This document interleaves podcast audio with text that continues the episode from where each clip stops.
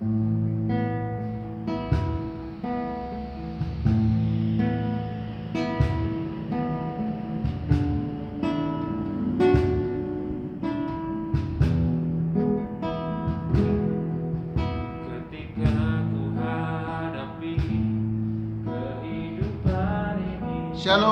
selamat pagi, selamat siang, selamat sore, selamat malam buat teman-teman di mana pun teman-teman berada dan kapan pun teman-teman mendengarkan podcast ini.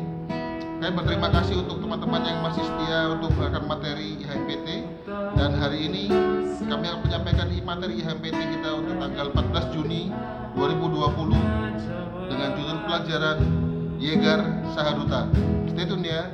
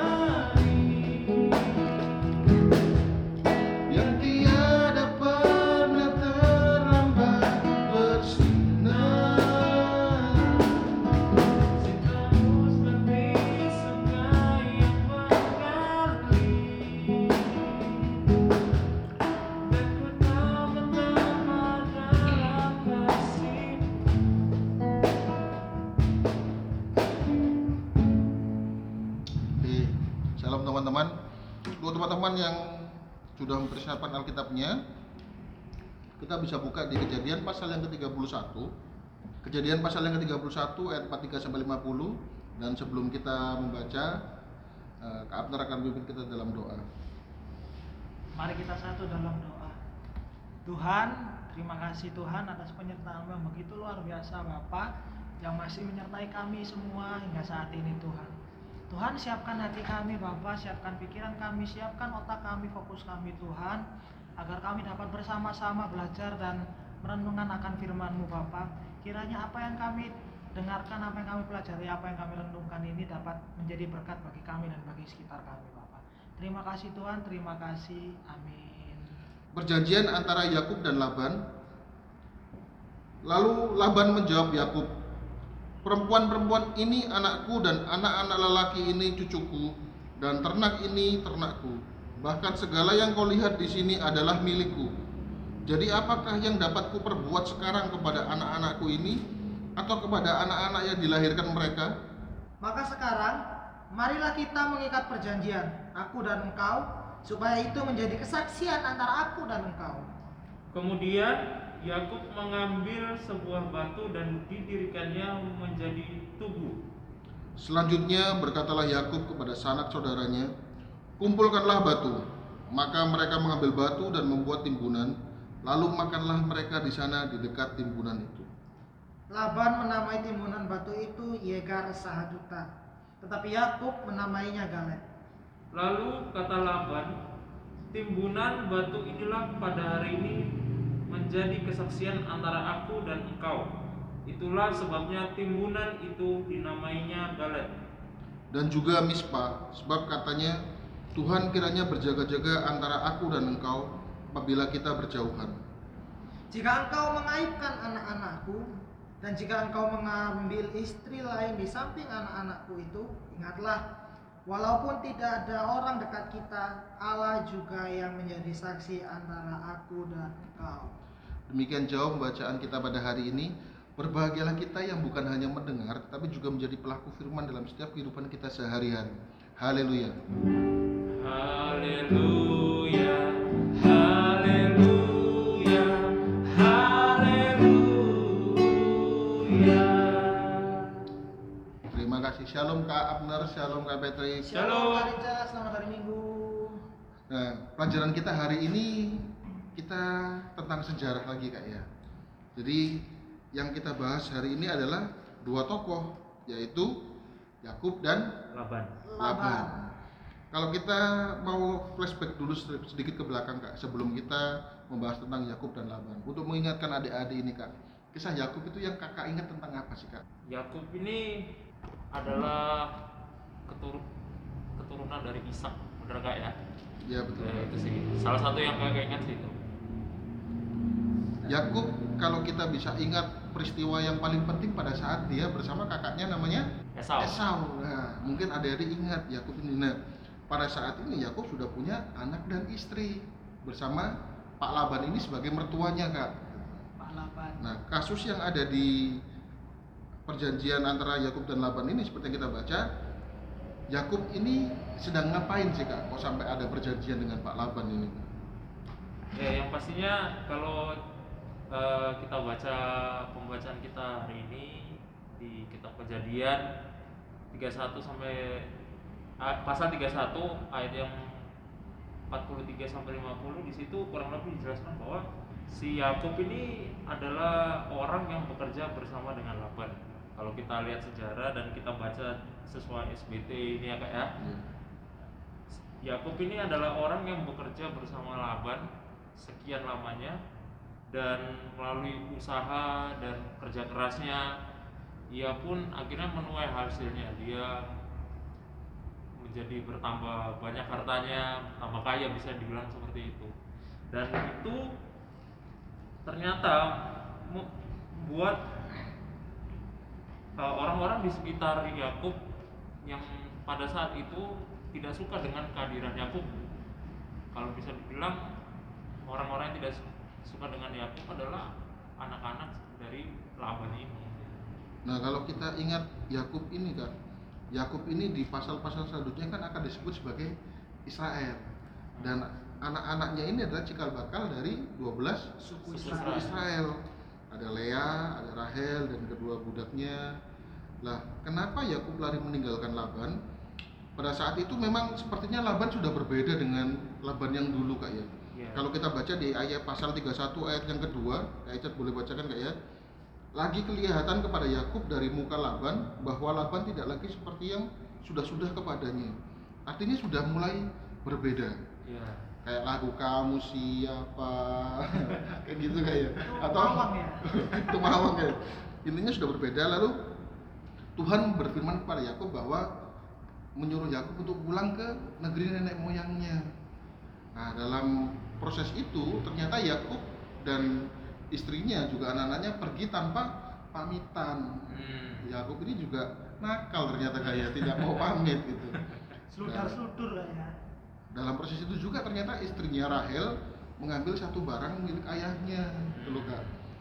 Lah setelah itu dalam perjalanannya Pak Laban marah karena tahu ternyata Yakub seperti melarikan diri sehingga dikejar sampai di pergunungan itu tadi. Dalam pergunungan tadi ketemu dan digeledah barang-barangnya. Tidak ketemu barang yang dicuri karena disembunyikan oleh si Rahel ini Kak. Lalu Yakub dan Rahel, eh maksudnya Yakub dan Laban ini berseteru sehingga akhirnya Yakub ngomong sama Laban dalam kemarahan. Hingga akhirnya ada perjanjian seperti yang kita baca lagi, Kak. Kalau Kak Petin ingat, de- Yakub ini pernah mendirikan tugu-tugu, Kak. Tugu-tugu apa aja nih, Kak? Karena Yakub terkenal dengan tugu dan nama-nama deh, Kak. Kayak gereja kita Peniel juga kan, Yakub yang Ah. mana itu. Ya. Eh, yang pertama ada tugu di Betel. Nah, di situ tugu itu didirikan pada saat Yakub meninggalkan rumah orang tuanya. Itu bisa kita baca di Kejadian pasalnya yang ke-28 ayat 10 sampai 22 itu itu ada tugu di Betel menceritakan Yakub ketika meninggalkan orang tuanya seperti itu, Pak. Lalu yang selanjutnya ini ini tugu di Mispa ini yang tugu didirikan Yakub sebagai tanda perjanjian antara Yakub dan Laban. Ini yang galet itu Kak ya? Iya yang Yang galet di Garsaduta Iya, ini. Nah, lalu yang ketiga adalah ada tugu di Bethlehem ada itu merupakan tugu yang didirikan di atas kubur Rahel seperti itu. Oh itu selanjutnya nantinya. Iya selanjutnya itu kita kenal Yakub ini dengan berbagai banyak kisah kak ya. Nah salah satu kisah tadi yang kita baca adalah tentang perjanjiannya dengan Pak Laban ini. Perjanjian yang dibuat adalah timbunan batu supaya ketika mereka saling melewati itu tidak ada niat jahat atau prasangka yang memberatkan salah satu pihak. Misalnya Kak Patrick berjanji dengan Kak Abner. Nanti kalau Kak Patrick lewat sini, tolong ya datengin saya tidak ada niat buruk ya. harus baik-baik Harus ya. baik-baik. Begitu juga sebaliknya. Nah kalau kita mau aplikasikan ini Kak Abner, perjanjian itu sebenarnya apa sih Kak? Menurut Kak Abner? Oke, perjanjian sendiri itu akan berakhir dengan yang namanya menepati ya kak ya. Janji di mana ada janji pasti di situ juga harus ada yang namanya Menepati menepati. janji. Nah, Iya. karena kalau janji tidak menepati sama saja namanya bohong. Nah, Janji palsu janji jadinya. palsu itu sama saja kalian sudah melanggar 10 perintah Allah. Nah, jadi ketika kalian berjanji kalian harus menepati seperti itu Kak Ica. Kalau untuk adik-adik kita nih kak, kira-kira perjanjian-perjanjian seperti apa yang pernah mereka alami atau mungkin mereka lupa yang pernah mereka rasakan seperti apa kak? Kak Patrick boleh tambahkan? Kalau perjanjian yang biasa dilakukan oleh remaja ini yang pertama itu perjanjian antara anak dan orang tua misalnya. Ya. Mereka dengan orang tua.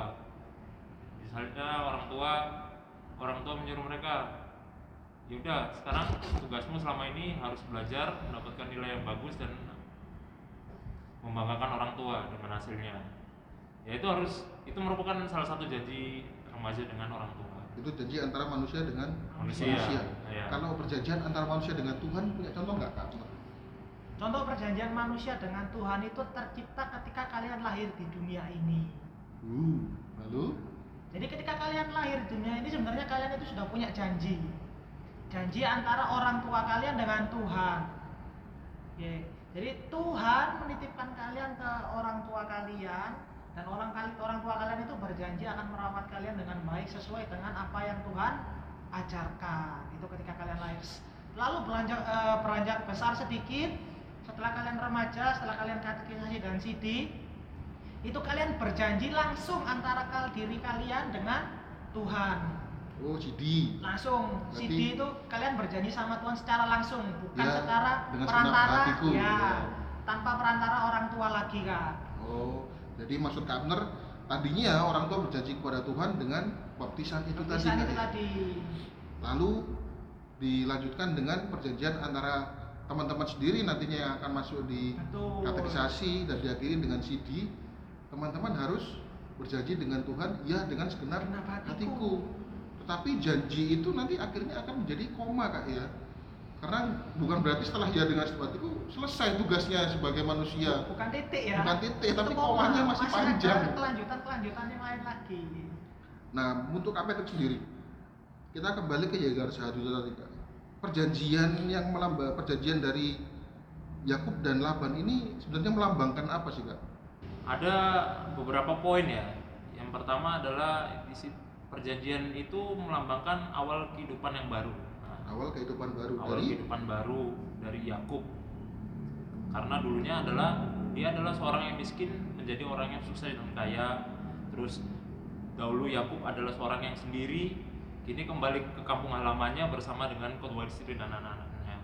Lalu selanjutnya ada pengakuan iman di situ dengan pertolongan Tuhan Yakub selamat dari rencana jahat si Laban. Itu. Terus penyertaan Tuhan juga adalah kunci untuk ya meraih kesuksesan dalam hidup, keberhasilan seperti yang terjadi dalam hidup Yakub. Lalu yang ketiga adalah komitmen untuk mengasihi. Nah, di depan tubuh itu kan Yakub berjanji bahwa ia akan selalu mengasihi istri-istrinya dan berjanji untuk tidak berbuat jahat kepada Laban. Seperti itu, Pak. Hmm, karena memang Tuhan sendiri juga berfirman dan berjanji kepada Yakub akan menyertai Yakub Kak ya waktu Tuhan meminta Yakub kembali ke rumah nenek moyangnya. Nah, kalau dalam kehidupan kita sehari-hari Kak Abner, bagaimana kalau kita tidak menepati janji? bagaimana kalau kita tidak menepati janji Oke, kembali lagi yang Kak Abner bilang tadi.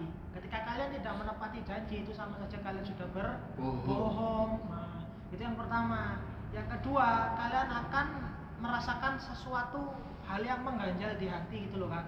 Ya. Saya sudah janji, Rek, kok nggak ditepat-tepati. Terus yang ketiga ini yang menarik kan? Yang menarik adalah kalian bisa lihat di ayat yang 50b.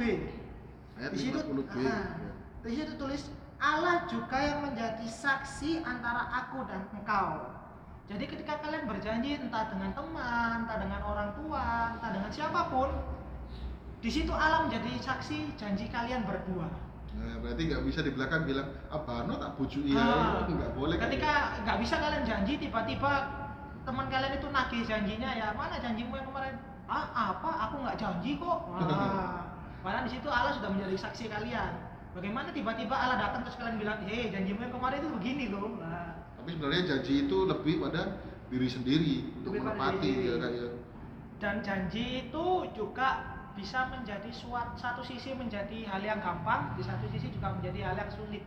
Kenapa? Karena kita kalau sudah berjanji itu itu hal yang gampang. Kita janji itu adalah hal yang gampang. ngomong soalnya Ngomong soalnya. ya. Tetapi kita harus menepati itu adalah hal yang paling sulit yang dilakukan manusia adalah menepati janji. Karena apa? Karena memang yang pertama karena rasa lupa mungkin ya lupa atau yang kedua itu rasa males atau yang ketiga itu dia berjanji hanya untuk menenangkan orang lain. Jadi tidak sepenuhnya berjanji, hanya untuk menenangkan biar orang lain itu percaya sama dia, biar akhirnya jadinya panik. omong kosong Nah, akhirnya jadinya omong kosong itu. Di sisi satu sisi yang sulit itu seperti itu menepati janji.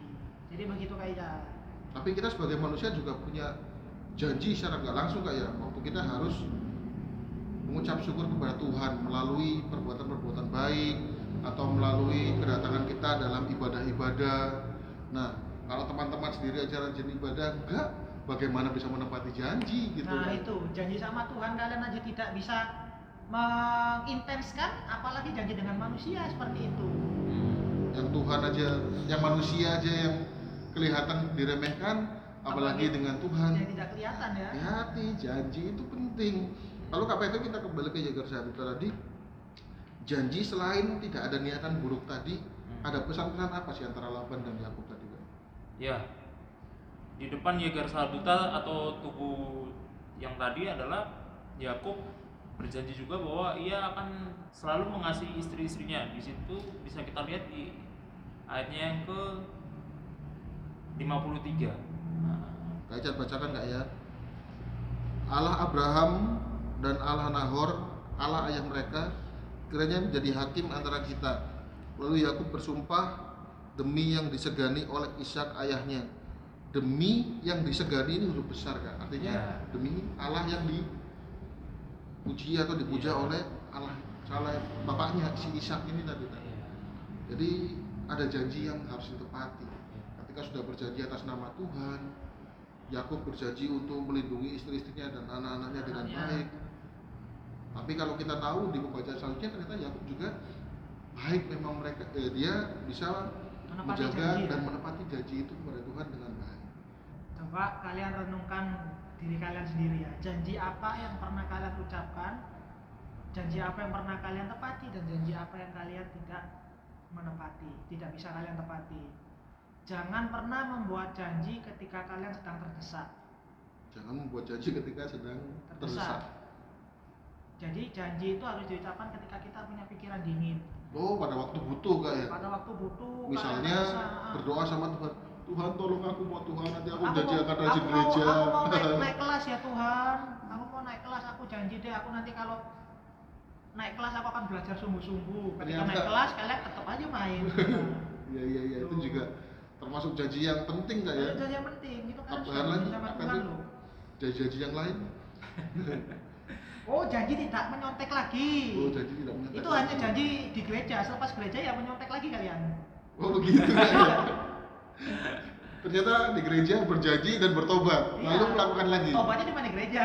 Tapi untungnya adik klien kita tidak ada yang seperti Nah, itu. Kak. memang ada klien kita ini yang paling terbaik seantero negeri. Oh, iya. Oh kita harus tepuk tangan buat adik klien kita. Apa itu ada tambahan lagi tentang Yegar Sahaduta? Ya, melalui renungan ini kiranya eh, setiap pribadi atau diri kita masing-masing eh, diingatkan bahwa janji itu penting karena apa pun yang sudah diikat harus kita tepati ya. seperti itu supaya tidak ada pribadi yang dikecewakan karena kalau seperti yang sudah dijelaskan tadi kalau kita tidak bisa menepati itu sama juga dengan kita membohongi gitu. Nah, gimana sih rasa dibohongi kan gak enak kan? Kak Patrick sering dibohongi. Ya, pernah sih. ya itu aja sih kak. Dan ada juga pesan yang lebih penting dari perjanjian antara Yakub dan Laban ini adalah untuk hidup saling mengasihi dan tidak melakukan perbuatan jahat terhadap sesama manusia. Dari perjanjian antara Yakub- dan Laban mereka sudah berjanji untuk tidak saling berbuat jahat, tidak punya niat jahat ketika melewati waktu perjanjian itu kayak. Oh iya satu lagi kak terkait yang tadi kak ya, yang janji tidak akan berbuat jahat lagi itu korelasinya sama dengan berdamai kak ya. Ya siap. Nah, korelasinya sama dengan berdamai. Ketika kita berdamai entah dengan diri kita sendiri, entah dengan orang lain, itu kita berjanji akan menjadi pribadi yang lebih baik lagi dan tidak akan berbuat jahat lagi. Jadi terutama kalian ketika kalian ingin berdamai dengan orang lain, berdamailah dengan diri kalian sendiri. Berjanjilah dengan diri kalian sendiri bahwa kalian akan melakukan hal-hal baik, akan menjauhi hal-hal buruk, akan menjauhi segala larangan Tuhan, akan melakukan hal-hal yang Tuhan perintahkan dan Tuhan inginkan untuk kalian semua. Seperti itu kan. Dan janji itu sama seperti sebuah kebenaran kayaknya. Ketika kita mengungkapkan bila, bila orang pintar yang menerima kebenaran itu dia akan merenung. Tapi bila orang itu tidak pintar dia akan merasa tersinggung. Iya. Oke teman-teman, kita akhiri materi kita untuk hari ini. Kita akan menyanyi satu lagu dari NKB 143 Janji yang Manis. Janji yang Manis.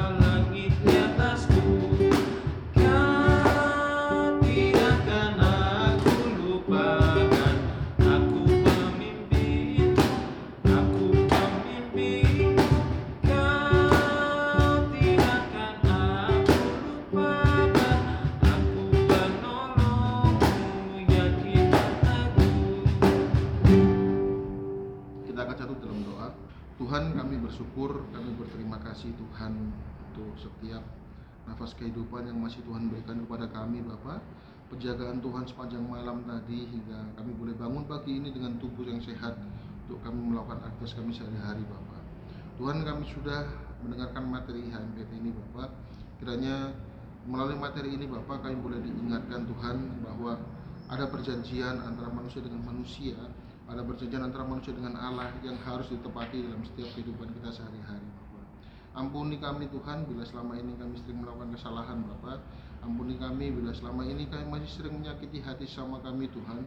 Kami masih sering menyakiti hati orang tua kami, kakak kami, saudara kami semua Tuhan ampuni kami Bapak. Biarlah Tuhan melalui hari ini Tuhan kami boleh belajar lebih baik lagi untuk menjalani hidup kami Bapak. Bapak kami bersyukur Tuhan untuk semua hal baik yang Tuhan berikan kepada kami dan kiranya Tuhan boleh kuatkan kami untuk semua pergumulan yang boleh kami alami Bapak. Tuhan Yesus kami juga berdoa Bapak. Kiranya Tuhan boleh memberkati kedua orang tua kami. Tuhan berkati mereka dengan kesehatan, kekuatan, umur panjang Tuhan. Melalui pekerjaan yang mereka lakukan mereka boleh menjadi berkat untuk orang-orang sekitar mereka Bapak. Juga Tuhan berkati Tuhan negara kami Indonesia Bapak. Tuhan yang selalu jamah Indonesia supaya Indonesia boleh lebih pulih lagi Bapak. Jajaran pemerintahan Tuhan Presiden hingga menteri-menteri juga jajaran yang paling bawah Tuhan yang paling sertai Tuhan yang boleh lindungi Bapak. Juga untuk kota kami Surabaya Tuhan Tuhan boleh sertai kota Surabaya supaya kota Surabaya boleh menjadi kota yang baik. Boleh menjadi kota yang bisa mencerminkan kehidupan toleransi yang sangat-sangat baik Bapak. Juga untuk gereja kami GBI Surabaya Tuhan pimpin sertai kami di mana tempat kami beribadah ini Tuhan. Boleh menjadi tempat kami untuk menimba ilmu kami. Tempat kami untuk kami boleh selalu Tuhan memperdalam iman kami Tuhan. Dan kami boleh berdampak baik untuk orang-orang sekitar kami Bapak. Terima kasih Tuhan Yesus. Terima kasih. Doa yang kurang sempurna ini Bapak kami naikkan hanya dalam nama Tuhan Yesus Kristus yang telah mengajar kami berdoa. Bapa kami di surga. Segala namamu datanglah kerajaanmu. Jadilah kehendakmu di bumi seperti di surga. Berilah kami pada hari ini makanan kami secukupnya, dan ampunilah kami akan kesalahan kami, seperti kami mengampuni orang yang bersalah kepada kami. Dan jangan membawa kami ke dalam pencobaan, tapi lepaskanlah kami daripada yang jahat. Karena engkaulah